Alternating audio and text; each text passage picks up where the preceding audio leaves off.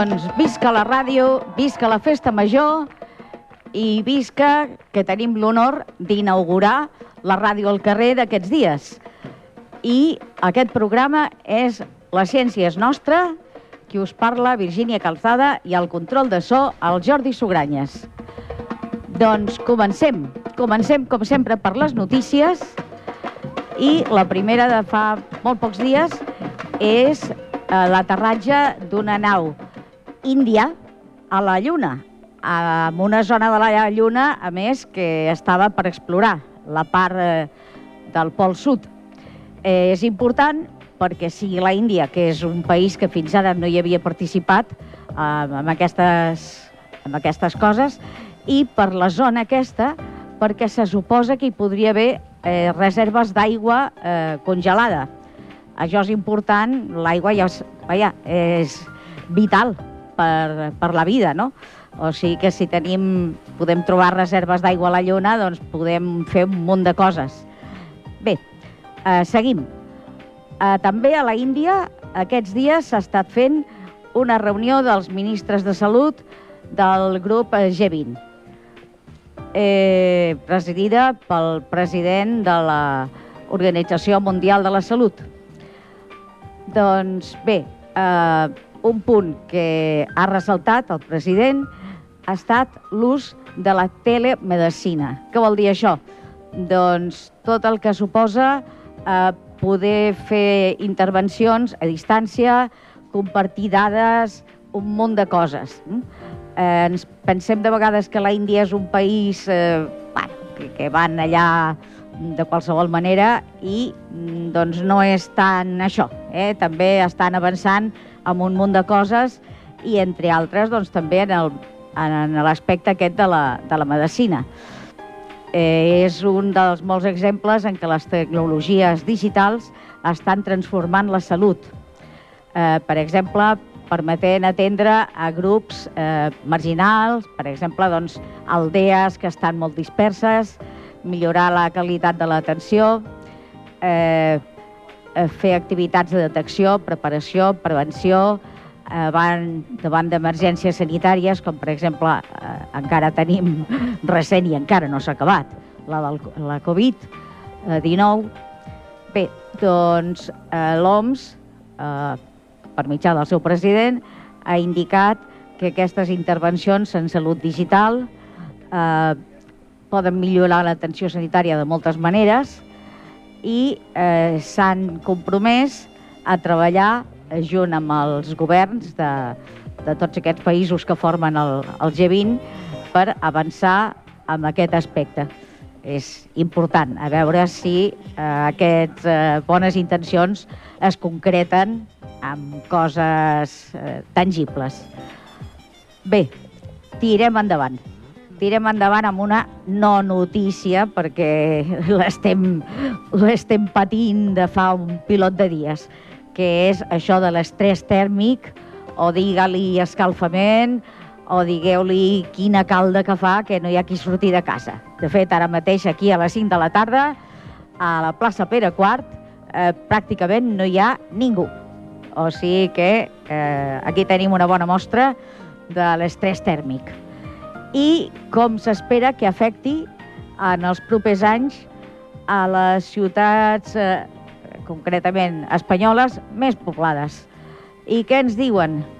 Doncs, bueno, eh, ja ens ho podem imaginar, que la cosa anirà pitjor. Per què parlem d'estrès tèrmic i no només de temperatures? Doncs perquè eh, no és només la temperatura, hi ha altres factors que intervenen. Sabeu que aquí Catalunya és un clàssic, eh, Barcelona és un clàssic. Eh, tenim uns nivells d'humitat força alts i llavors això fa que la calor es noti més. Mm? Allò que diuen temperatura de xafogó. Mm? Eh, en altres llocs que són més secs, doncs no, no costa tant de passar aquesta calor. Doncs aquest és un factor important. Després, la radiació. O sigui, eh, sabeu que no és el mateix caminar eh, per la vorera que li toca el sol que la que està a l'ombra eh? no, no, té, no té més de cuits. El vent, per què?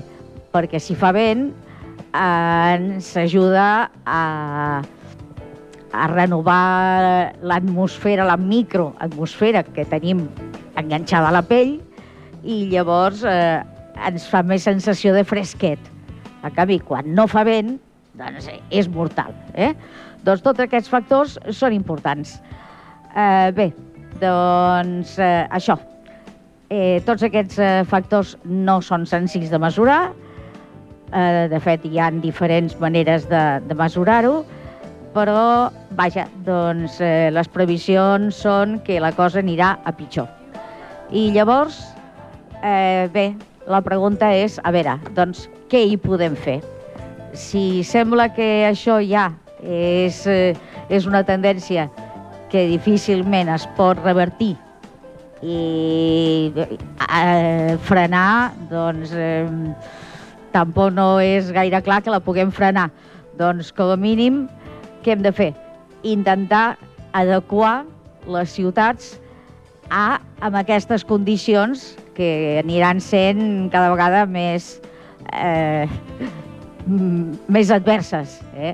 més difícils per la, per la població.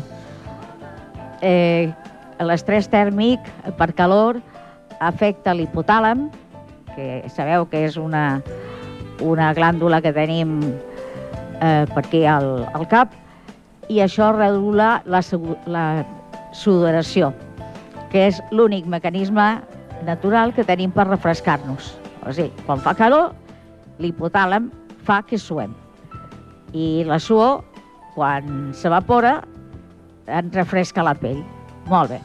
Però què passa? Que quan l'hipotàlam aquest eh, està sobrecalentat, doncs ja deixa de funcionar i llavors ja ni suem.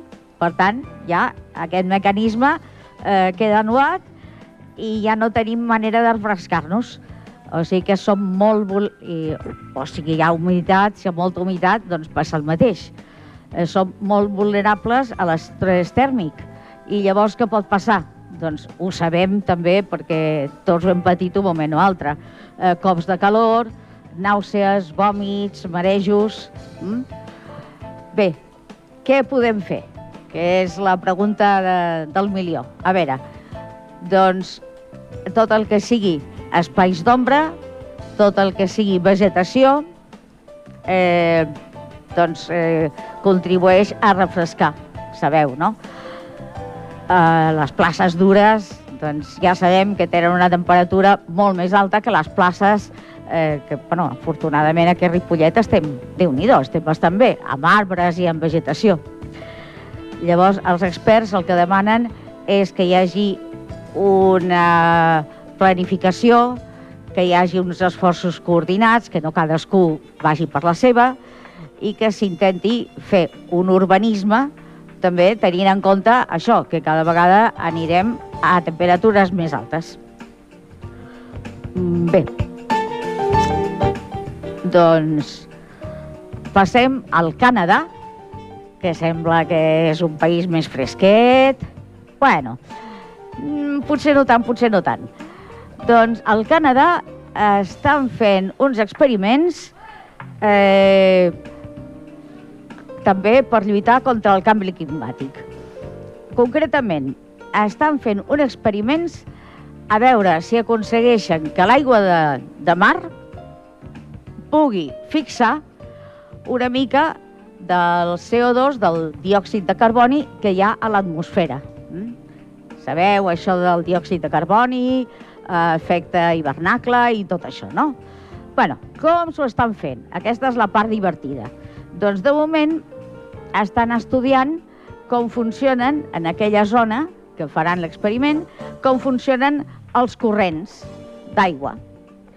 Per fer-ho, han fet servir un colorant que és de color rosa, rosa fosforito, autènticament fosforito, que es diu rodamina, i llavors, doncs, això, el que han fet és tirar eh, un munt de litres de, de rodamina dissolta amb aigua, per veure com es dispersa i per on, per on va, eh? segons els corrents d'aquella zona que s'està estudiant. I llavors, a partir d'això, eh, quan, facin, quan facin la prova, que consistirà en tirar una solució alcalina, una mica alcalina, tampoc no, no ens esperem, a, a l'aigua, i llavors això contribuirà a que capti el CO2, llavors podran veure per on eh, l'efectivitat que té aquesta solució, si, és, eh, si, fa, si fa efecte o no. Bé, eh, té la seva gràcia, no? Eh, I tot el que sigui... A veure, si això funciona, es pot aplicar al Canadà i es pot aplicar a qualsevol altre lloc del, del món, o sigui que té la seva importància. A part del rosa fosforito, doncs, bueno, té, té la seva importància l'experiment. Eh, passem a una altra cosa que sembla que, que també està de moda, que és un, una malaltia o una síndrome eh, que li diuen SIBO, que no sé si n'haureu sentit a parlar, però es veu que sí que ara està molt de moda. Doncs el SIBO, aquest, és un trastorn digestiu eh, que es produeix perquè hi ha molts bacteris a l'intestí prim. Eh, sabeu que els bacteris sobretot estan a l'intestí gruixut, eh, que és la part final, i això, bueno, és normal. Què passa? Que de vegades aquests bacteris passen eh, cap a l'intestí prim, que no n'hi hauria d'haver eh, tanta concentració, i llavors això fa que tinguem molèsties, tinguem problemes digestius, distensió abdominal, o sigui, que notem que s'infla la panxa, eh, notem que, que no païm prou bé, tot això. Eh, doncs, bueno, tenim un problema de que eh, la, la flora intestinal que li dèiem abans, que ara es diu microbiota, que fa més fi, doncs la tenim descompensada, eh? la tenim malament. Eh, bueno, què s'hi pot fer? Doncs, de moment, clar, eh, anem al metge, eh, el metge ens farà una sèrie de preguntes típiques, a veure què menges, ta, ta, tot això, mm, perquè les causes doncs, poden tenir, eh, poden ser molt diferents. Per exemple, doncs, que tenim problemes amb els àcids gàstrics, que, que no tenim prou àcids gàstrics a l'estómac, eh, d'enzims digestius, eh, de sistema immune, bueno, un munt de coses diferents, però eh, bé, eh, malaltia celíaca, també sabeu que això és eh, una malaltia que no es processa bé, no, no es pot digerir el gluten, i llavors això dona problemes, problemes greus, intolerància a la lactosa, bueno, un munt de coses diferents. Eh, moltes d'elles no, es poden, no es poden evitar, perquè, mira, si un és celíac, doncs eh, és així, no? Però eh, sí que es pot tenir en compte per eh, tractar eh, aquesta causa concreta. Mm? Eh, per exemple, doncs això, eh, control, si un és diabètic, doncs controlar mm, molt acuradament, eh, bé, eh, la restricció de gluten, tot això, molt bé. Eh, bé, eh, com es diagnostica? Doncs hi ha un test molt, molt curiós que consisteix en una prova d'alè, o sigui, et donen un, una cosa que es diu lactulosa. Llavors, eh, el pacient pren això i eh, es medeix la quantitat d'hidrogen o metà que s'exhala per l'alè després d'haver pres la lactulosa aquesta. I es fan medicions cada 30 minuts i, bueno, doncs, si, si un eh, té massa hidrogen o metà a l'alè, que no n'hi hauria d'haver pràcticament, no, no és normal, doncs eh, és símptoma de, de que té aquesta malaltia. Eh, bueno, llavors, Eh, tractament? Doncs, sobretot, eh, cuidar la dieta i l'estil de vida. Eh, una cosa important és eh, la reducció de carbohidrats fermentables, eh, que són els famosos FODMAP. Mm? Bé, eh, de tota manera, com que això, si algú té problemes, ja sabeu, el que heu de fer és anar al metge, que us ho miri a fons i si cal eh, canviar la dieta o canviar alguna cosa, doncs eh, posar-s'hi les piles. Passem a un altre tema.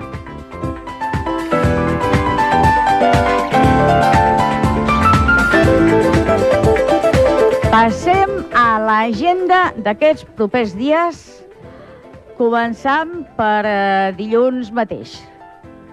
Dilluns, no us podeu perdre, em sentiu? No us podeu perdre el dilluns 28 d'agost a les 10, aquí, a la plaça Pere IV, els tallers familiars de ciència a càrrec de Funbrain, que són per petits i també per grans, que no és per aparcar la canalla, eh? és per anar-hi tota la família, pares i fills, i estar passant una bona estona i aprendre un munt de coses, eh, pares i fills. O sigui que això ho teniu al programa de Festa Major, però no us ho perdeu. Després ja, per eh, passant al mes de setembre, doncs sí que hi ha un munt de coses. Eh, una de les primeres és que està oberta la inscripció amb uns cursos de la Universitat de Barcelona que es diuen Gaudí UB, Gaudí la Universitat de Barcelona, i són uns cursos trimestrals que n'hi ha de tot. De fet, eh, n'hi ha de ciències, però també n'hi ha eh, de tot el que vulgueu, pràcticament, d'història, de psicologia, bueno, de 50.000 temes diversos. O sigui que serà difícil que no trobeu algun tema que us interessi. A més, són cursos curts, eh, doncs això, ciències naturals, medi ambient, dret, ciències forenses i jurídiques, ciències socials, impresa, filosofia, llengua, literatura, bueno, un munt de coses. Eh, més de 60 programes i mm, amb caràcter acadèmic, o sigui, que no és que ho facin uns aficionats que, mira, que, que els han agafat allà per dir quatre coses, no. Això està organitzat per la universitat i això és garantia de qualitat. Mm? I els cursos, ja dic, són trimestrals, tenen una durada de 20 a 30 hores lectives, que això equival a dues o tres hores setmanals. Eh, com va això? Doncs la majoria són presencials, molts d'ells són al, a la seu de la Universitat de Barcelona, però també eh, hi ha alguns fins i tot que es poden fer online. Tot això us ho heu de mirar, si us interessa, a l'adreça següent. Preneu nota, que anem. Uh, il3.ub, o sigui, Universitat de Barcelona, edu, d'educació, barra K, de català, barra Gaudi, barra cursos. Us ho torno a repetir, per si voleu, il3.ub.edu barra K barra Gaudí barra cursos. O si no, si us és més fàcil, al telèfon 933 093 654. Aquí podeu trucar de dilluns a divendres de 9 a 4 de la tarda. I us hi podeu inscriure també. El primer curs comença el 18 de setembre i dura fins al 2 de desembre. Després hi haurà el segon i tercer trimestre. Mm? Doncs ja sabeu, cursos universitaris eh, a l'abast de tothom. Anem més aquí a casa nostra. Anem a Ripollet.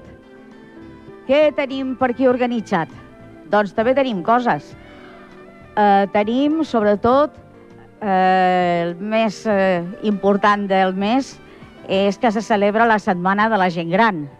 I llavors tenim un munt d'activitats al voltant d'aquest fet. Eh, per exemple, tenim una xerrada que es diu Eines per a la potenciació de l'autonomia en el dia a dia, que va de com facilitar la vida als familiars eh, de les persones afectades per l'Alzheimer. Mm? Eh, important. Dimecres 20 de setembre a les 11 del matí a la Biblioteca Municipal. Mm? Eines per a la potenciació de l'autonomia en el dia a dia. Més. Seguim. Uh, envellir en positiu. És una altra xerrada a càrrec de les referents de benestar emocional dels CAPs Ripollet i Pinetons dimecres 27 d'11 a 12.30 també a la Biblioteca Municipal. Això d'envellir en positiu eh, doncs em sembla que ja ens hi podem començar a preparar perquè ens tocarà a tots. Si no és que, que ens morim abans, però eh, no és pas no és pas tampoc una alternativa gaire desitjable. O sigui que eh, ja podeu anar a prendre nota dimecres 27. Mm? Bé, eh, una altra cosa, que aquesta va més de medi ambient. El divendres 22, passejada pel riu per explicar la recuperació de les lleres. Mm? Això va de medi ambient. Eh, bueno, ja no cal que, que ho repetim perquè ho, ho sabeu de sobres, n'hem parlat un munt de vegades de tota la feina que s'ha fet, bé, ja, ja ho sabeu, ja ho heu vist, de treure els horts, treure les canyes, eh, intentar que es regeneri el riu, tot això. Doncs, bueno, és passejar per la vora del riu i veure com està en aquest moment, eh, si ha funcionat i com va evolucionant tota aquesta feina que s'ha fet. És interessant i, a més, mira, fem bicicleta, que fem esport, i estem amb una colla d'amics que també ens ho passem bé. Doncs això és divendres 22, és a la tarda de 6 a 7 i mitja i això sí, ens hem d'inscriure a casanatura arroba ripollet.cat. Més teca. Eh, exercicis de condicionament físic per a persones majors de 60 anys. O sigui, exercicis eh, doncs, eh, que no sé si es poden dir gimnàstica o encara ni això. Eh? Però, bueno, doncs per no perdre de tot la forma, hm? per no estar tot el dia asseguts allà al sofà. Inscripcions i més informació i tot això al Centre Cultural als matins o també al web de ripollet.cat, a la web municipal.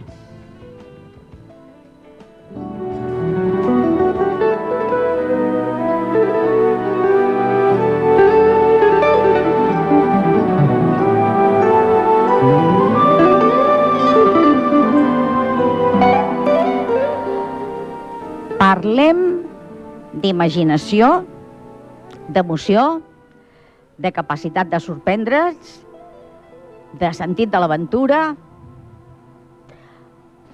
Parlem de ciència? Voleu dir que tot això té relació amb la ciència? Mm, de vegades no ho sembla, oi?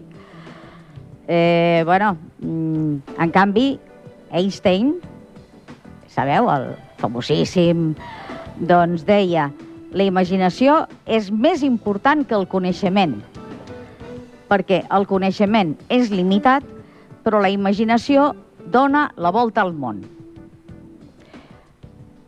I tanmateix, quan ens posem, bueno, Einstein era físic, no?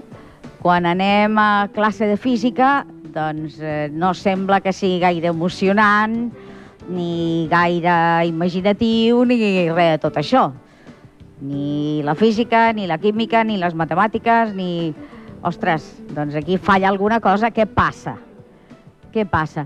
Doncs, bueno, eh, hi ha un professor que es diu Tom McLeish, eh, que és eh, professor, bueno, era, perquè va morir fa poc, pocs mesos, al Departament de Física de la Universitat de Nova York, es planteja això, doncs, què, què ens ha passat?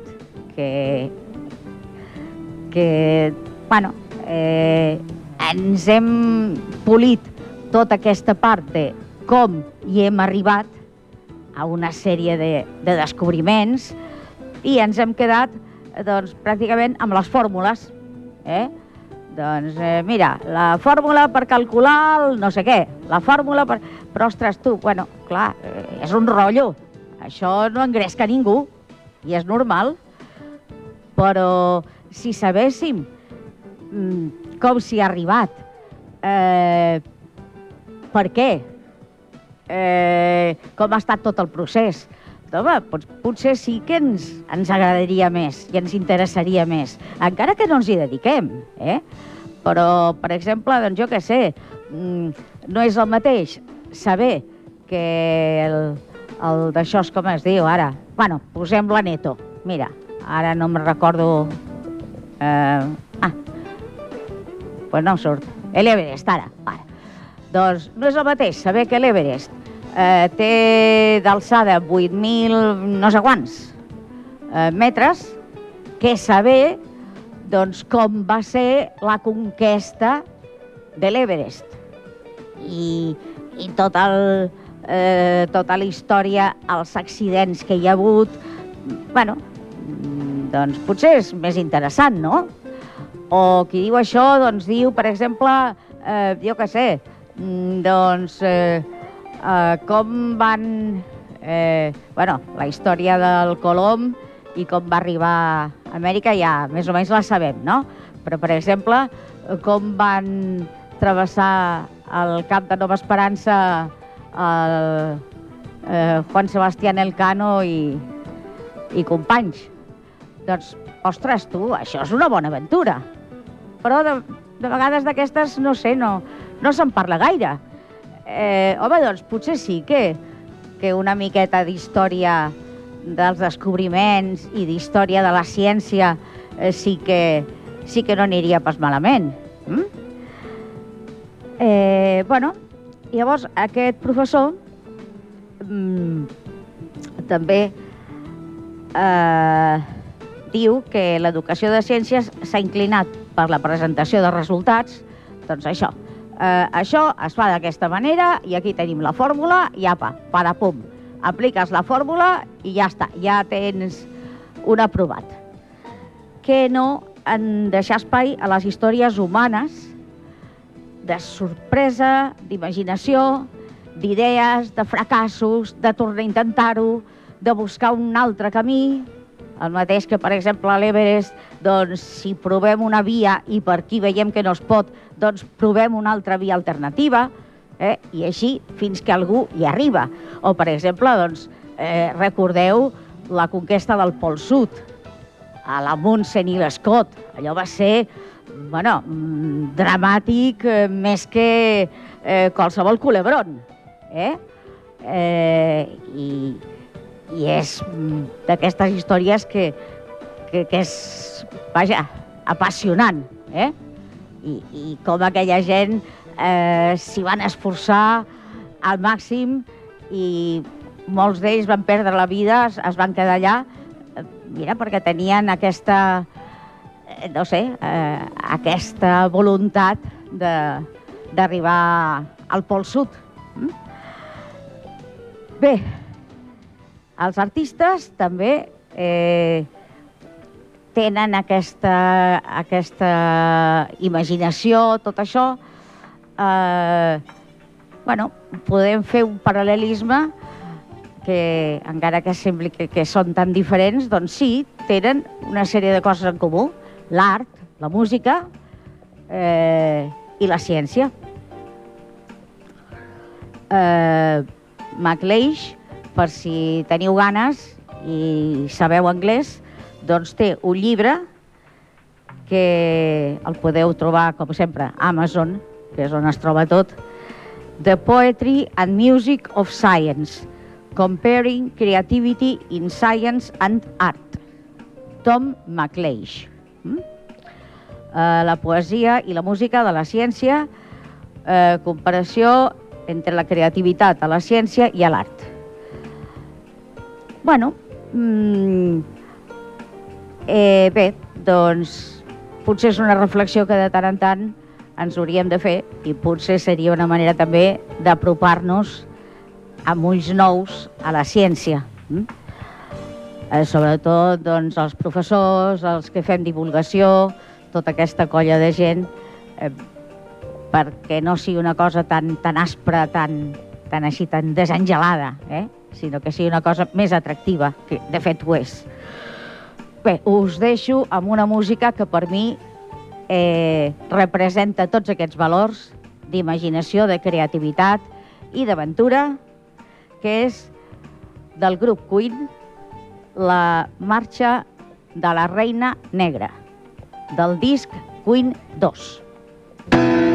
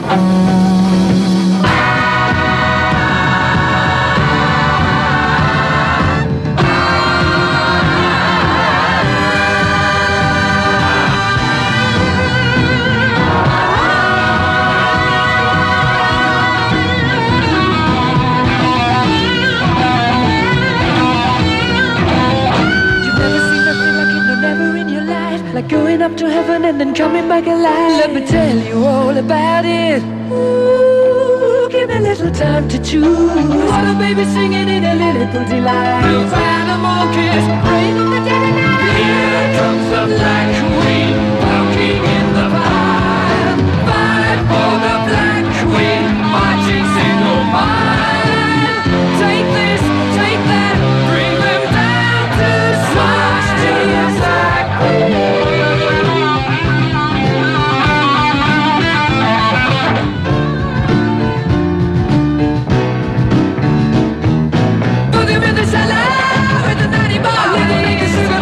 world of a baby. I, I got, I got every fingernail and toe we've only begun, begun. Make this, make that, keep making all that noise to the fly queen. Never get a better fool. You can be my sugar baby, you can be my honey too.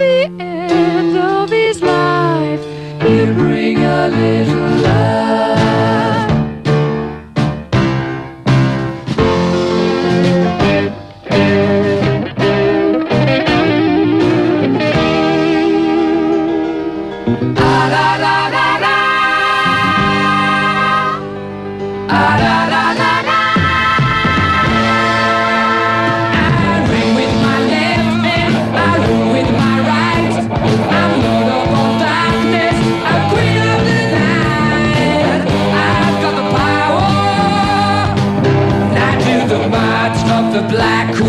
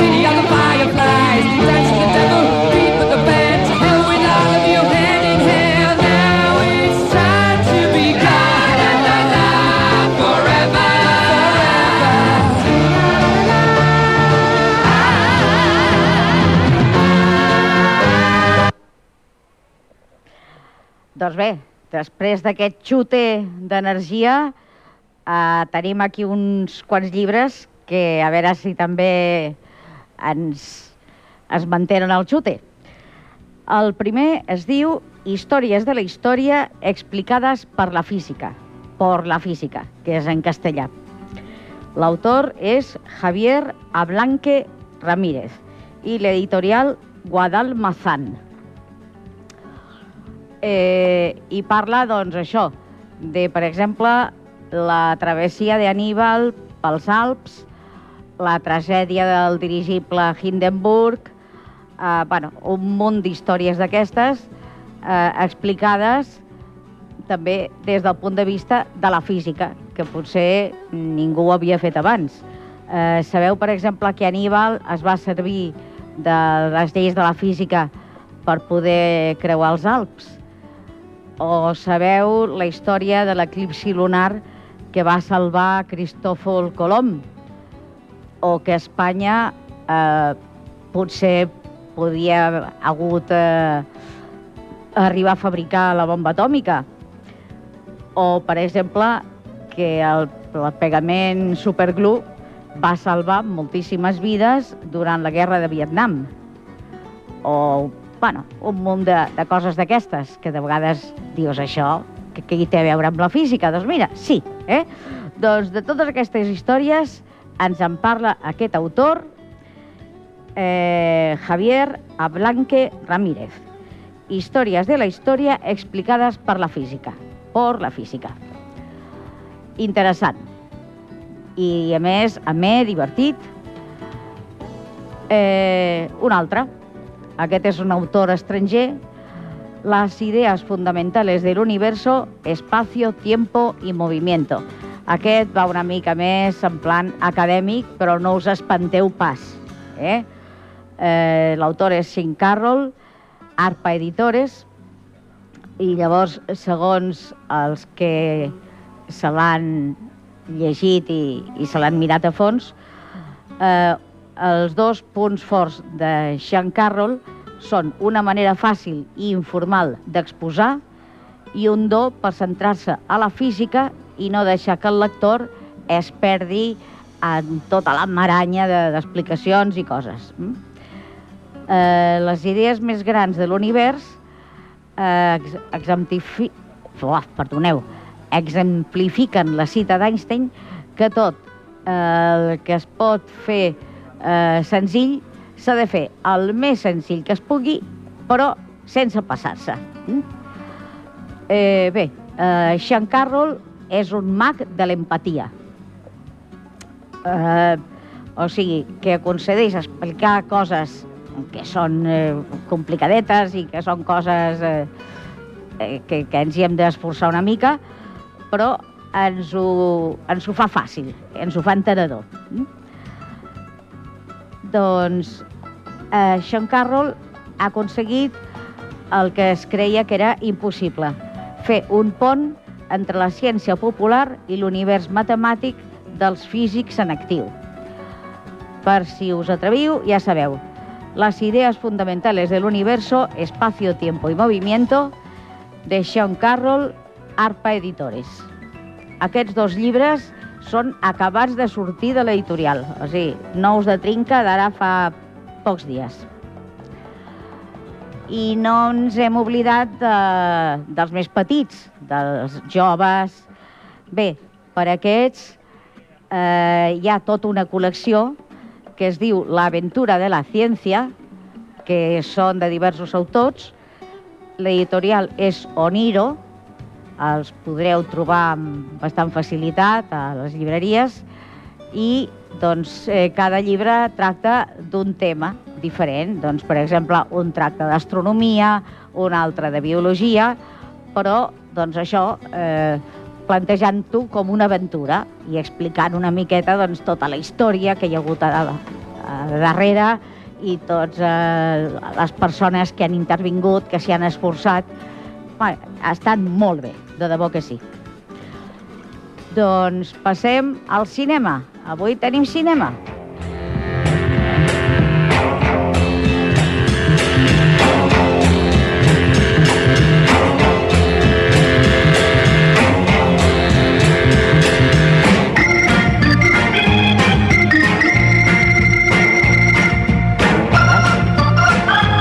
Bueno, aquesta música així de començament dramàtic per parlar d'una pel·lícula dramàtica, que és l'Oppenheimer, que s'ha estrenat fa poc, ja ho sabeu. Eh, s'ha estrenat aquest any, de fet fa, fa molt poc temps, dura 3 hores, a Estats Units, dirigida per Christopher Nolan, ja ho sabreu. Eh, el guió també és d'ell, basat en un llibre eh, d'en Kai Bird i Martin J. Sherwin. El repartiment, Cillian Murphy, Emily Blunt, Robert Downey Jr., Matt Damon i alguns altres que no us llegiré tota la rastellera, grans actors tots ells. I la sinopsi, de fet, ja la coneixeu. Eh, estem a la Segona Guerra Mundial, Alemanya està que sembla que es menja tota Europa i, i, tot el, i tot el món, i llavors el govern americà recluta tota una sèrie de científics, els més importants que pot eh, trobar, per eh, fer el projecte Manhattan, que consisteix en fer una bomba nuclear, perquè sospiten que Alemanya ja en té de bombes nuclears. Llavors, la qüestió és, tu, abans no la facin servir ells, la fem servir nosaltres. Hm? Bé, doncs la cosa per aquí. Eh, també es parla dels dilemes morals que va tenir Oppenheimer amb tot això, eh, Oppenheimer i molts d'altres que hi van participar, que després de, de les dues bombes sobre Hiroshima i Nagasaki, eh, recordeu, doncs eh, van dir mai més. Mm? I, de fet, eh, bueno, de moment ens anem salvant, eh? perquè el dia que algú se li acudeixi eh, que és bona idea tornar a tirar una bomba nuclear, llavors sí que eh, ja, ja estem, ja hem begut oli.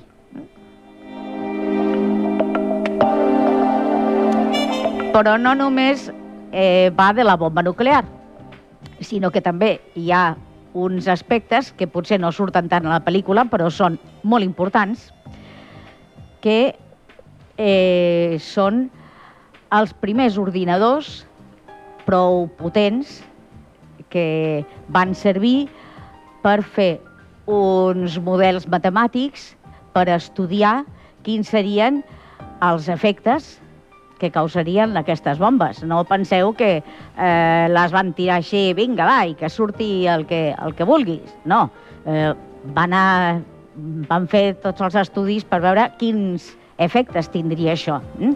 I llavors, a veure, què hi hem tret de bo dintre de tota la tragèdia? Doncs mira, eh, tot aquest desenvolupament d'ordinadors, començant per un que va ser de, dels primeríssims, que es deia ENIAC. Després van començar els IBMs. Eh, en aquells temps, eh, un ordinador d'aquells era tota una habitació, simplement. O sigui, ni ordenadors personals, ni, ni portàtils, ni res. Era tota una habitació. Mireu si hem avançat. Però, bueno, doncs va ser el començament de tot això.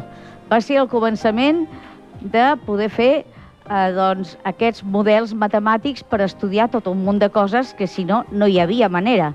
Que després, amb això, estem estudiant des de meteorologia fins a pandèmies, fins a un munt de coses. Doncs tot això, bueno, va començar aquí. O sigui que, dintre de tot, eh, doncs mira, alguna cosa bona eh, doncs, eh, va tenir tot això. Passem a un altre tema. Aquesta va d'una aplicació per mòbil, que de tant en tant sabeu que en deixem en alguna. bueno, doncs aquesta aplicació es diu Mosquito Alert. Sí, la, la teoria és ben fàcil. Ens piquen els mosquits. Què podem fer?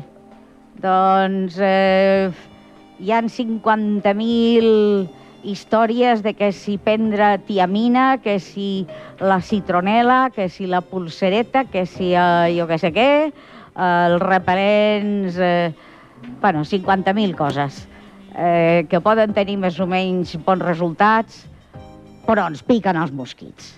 I si no, digueu-m'ho a mi, que cada nit surto eh, al matí amb tres o quatre picades noves. Bueno, com a mínim, doncs mira, ja que ens han picat els mosquits, doncs ens instal·lem aquesta aplicació, que ja no ens vindrà d'una, i llavors podem alertar de que en tal població, en tal lloc, a tal dia, doncs hi ha mosquits. Per què serveix això? A veure, a part de que les picades siguin molt molestes, però no és només això.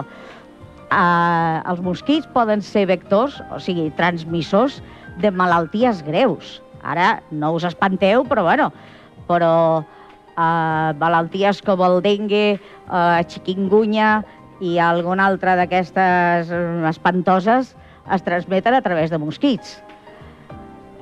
Home, potser no els tindrem per aquí, però està bé de tenir, de tenir els mosquits controlats, saber eh, on paren i si els traslladen d'un lloc a l'altre, tot això.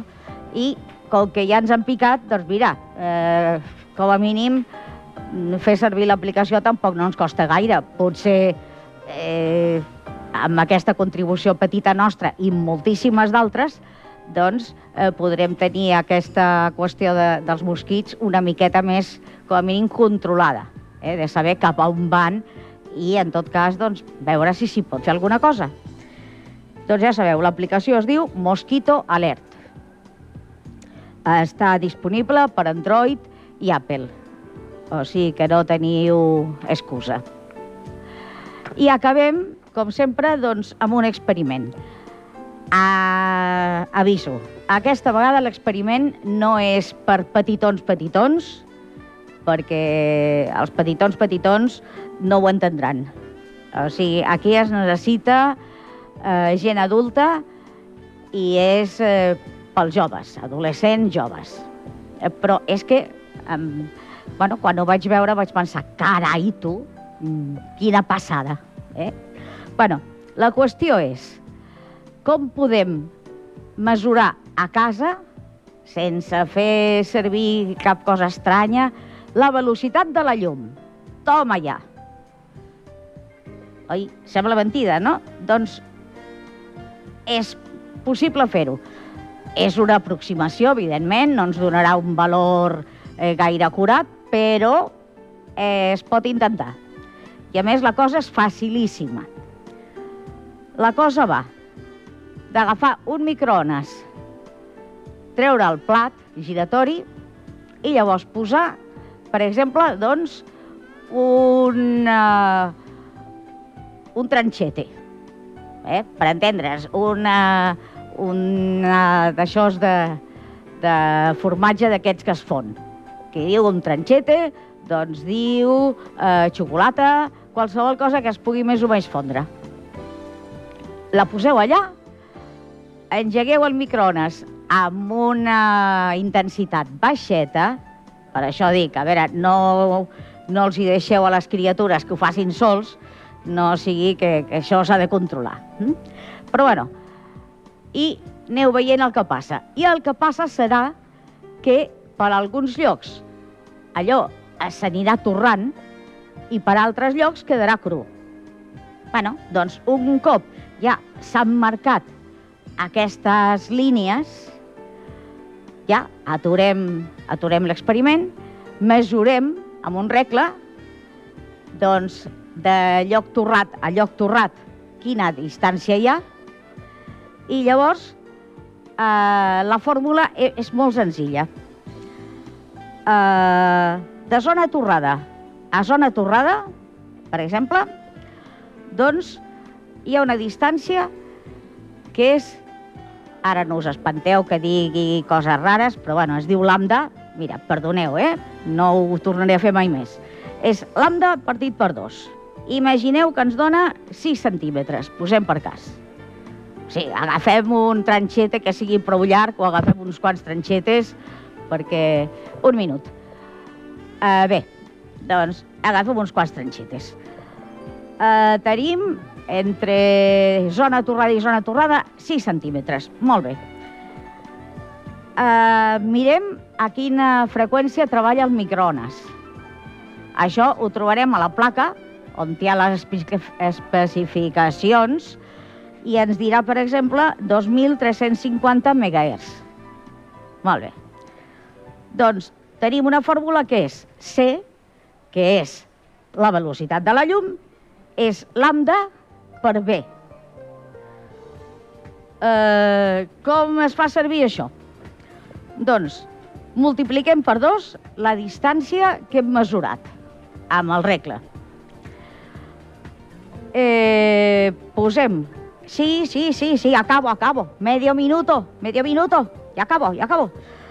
Posem eh, la freqüència del microones, multipliquem i amb això ens donarà una aproximació a la velocitat de la llum. Tan fàcil com això, tan increïble com això, i, bueno, doncs que ja sabeu, eh, podeu provar. I com que ja m'estan fent fora, perquè ja m'estan dient que s'ha acabat, eh, que hem de fer altres coses, doncs aquí ens despedim i ens veurem, o ens sentirem, vaja, més aviat, al setembre, si no hi ha gaire problemes, us deixo ara amb el senyor alcalde i el pregó i tot plegat i aquestes coses. I recordeu, la ciència és nostra, cada quart dimarts a les 9 del vespre, però que més recordeu que ho teniu sempre disponible a ripolletradio.cat. A reveure, amics i amigues, disfruteu de la festa major i ens veiem pel carrer. Adeu! Adeu!